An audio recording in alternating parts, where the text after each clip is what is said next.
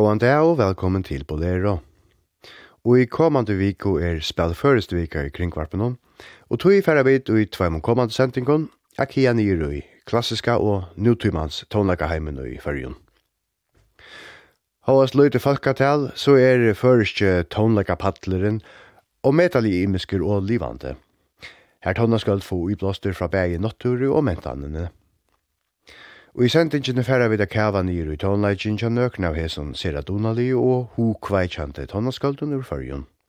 Så sete tikkun at ra slappi av og njóte ferina inn i førska heimen vi klassiskun og nøytumans tonleikje. Vi løtte fire vi nutja lennon Rangvørg skriva i 2022 og utgivi av fløvne vi samme heite, nevnlig Rangvørg. Kari Jakobsen eier leie og Urt Johannesen eier årene i vår sunnkjene av Birte Poulsen. Så gjerne færre vitleina, Strudjekvartett. Det er anna satser ur Strudjekvartett nummer 2, vi heiter noen images etter Christian Black. Vi færre besta lust etter ørensatser, vi heiter noen vetrar morgon, og det er polska kvartetten Neokvartett som framfører. Gjør så vel.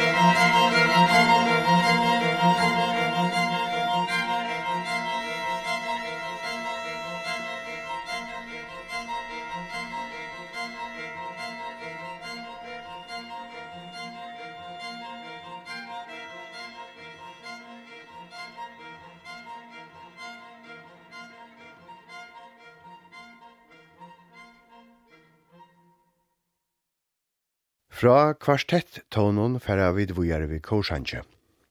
Verstjo i vi færa tøyra eitur kvöld tankar og er etter Leif Hansen som hever skriva leie og Bjørkfinner Nilsen som hever skriva årene og til Torssona Kamakor som framfører. Verstjo er a finne utgavene fra 2015 vi heitnon kvöld tankar.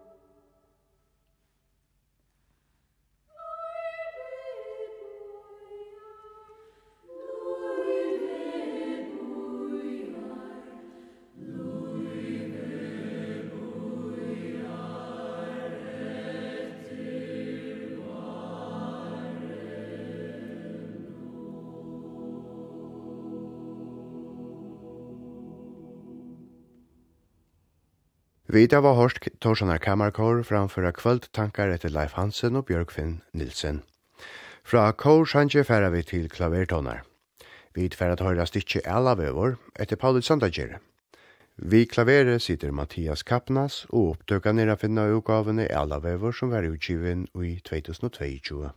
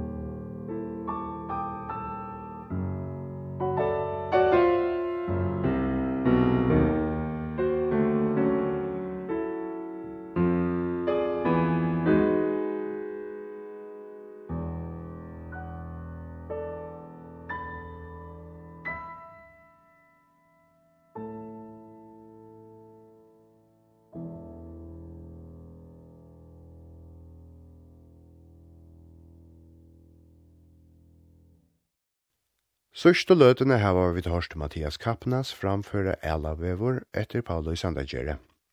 Så gjerne færa vi til et anna først tonnaskald, nemlig Atla Karasson Petersen.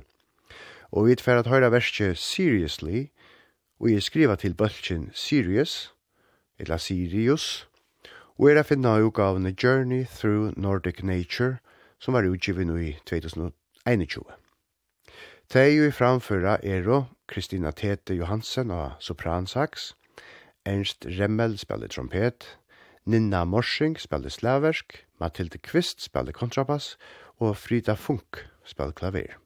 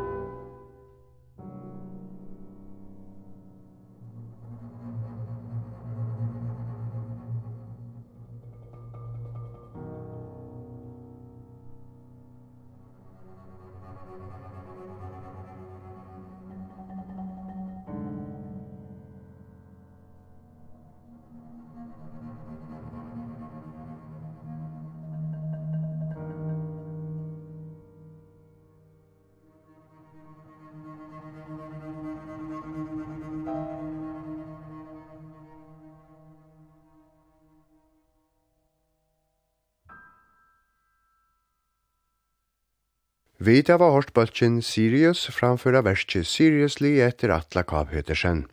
Så færre vi dator til ugavna Rangvørg, og færre at høre leie Best E.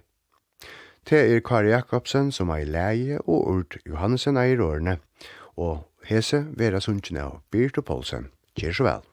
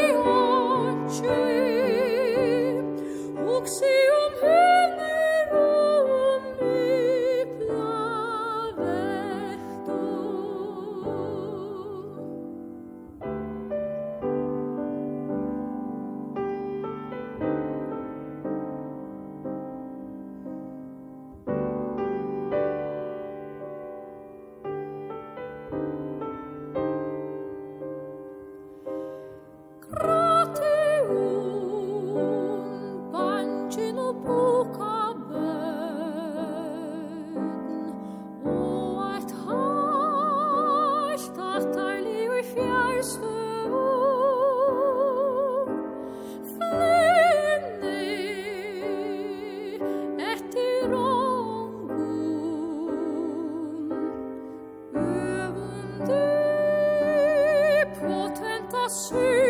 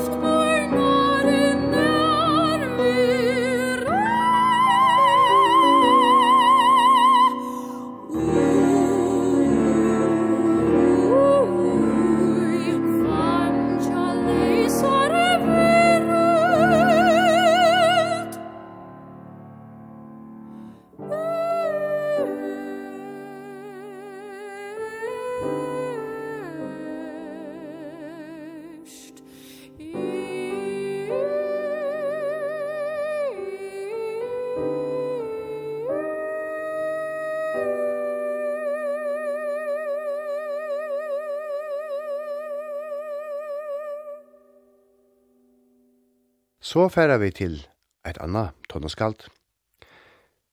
Her er talan om unga tonnaskald i Eli Tausen lava. Vi færa at høyra minimalistiska verskje Dimme, og er utgivi av utgavene In a Field fra 2022.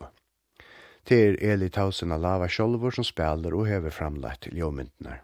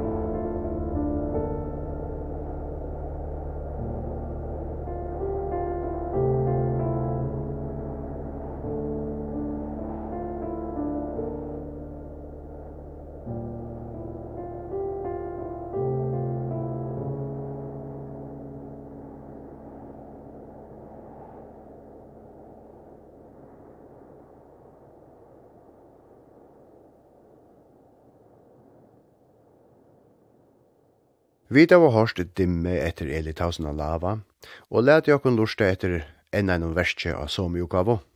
Hese for eitet her Watching Fireflies. Det er atter Eli Tausen, som sjolvor spiller og hever framleit.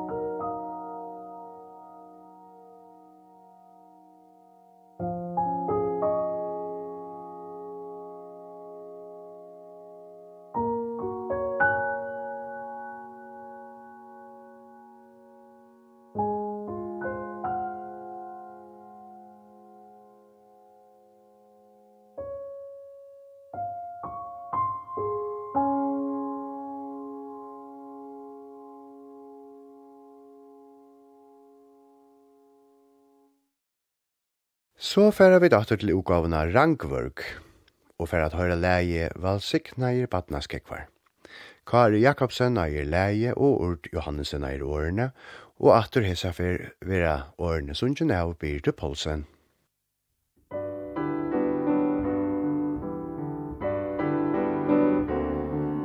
I høyre mui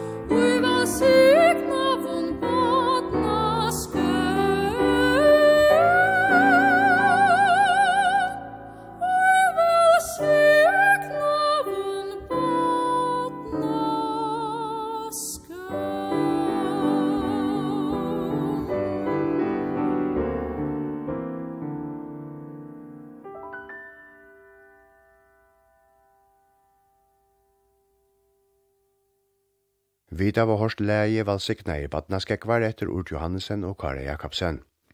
Så færa vi datter til klavertonar og skulle høyra vals nummer 2 etter Paulus Sandagere. Opptøkene finner vi da utgaven i Elavevur, som vi deisne hørte fyrir sendingene. Det er klaverleikaren Mathias Kappna som spiller.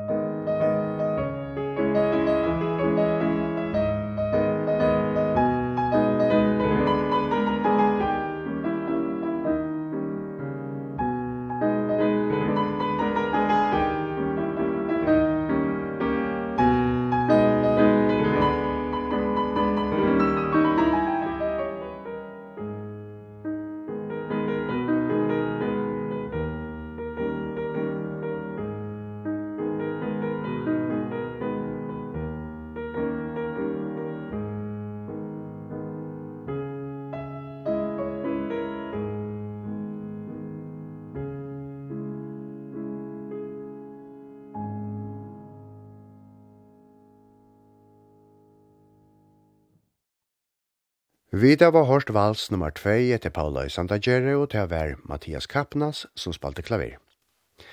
Så færa vi fire sørste fyrir det til ugavene Rangvørg og skulle høyra ein meter til nastan. Det er og atter til beie Ur Johannesen og Kari Jakobsen som hava skriva tonleggen og det er Birita Poulsen som synger.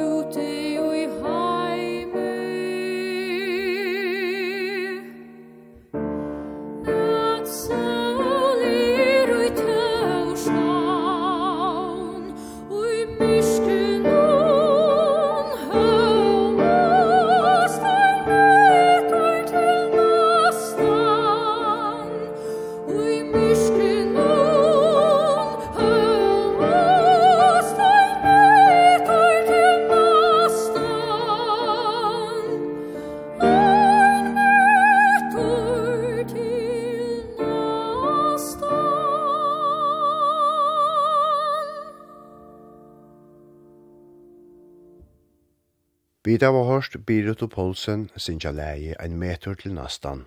Urt Johannesen, Eiro Ørne og Kari Jakobsen er leie. Vi er kommet til sørste tonene i hesare på lerosending i Marsmanava, her vi einans spela førskan, klassiskan og samtidig tonleik. Vi er ferdig enda på lero vi at høyre torsene kamakår framføra leie skjermar. er Ond Pettersson og jeg er leie, og Ter Gunnar Høydal og jeg er Ørne.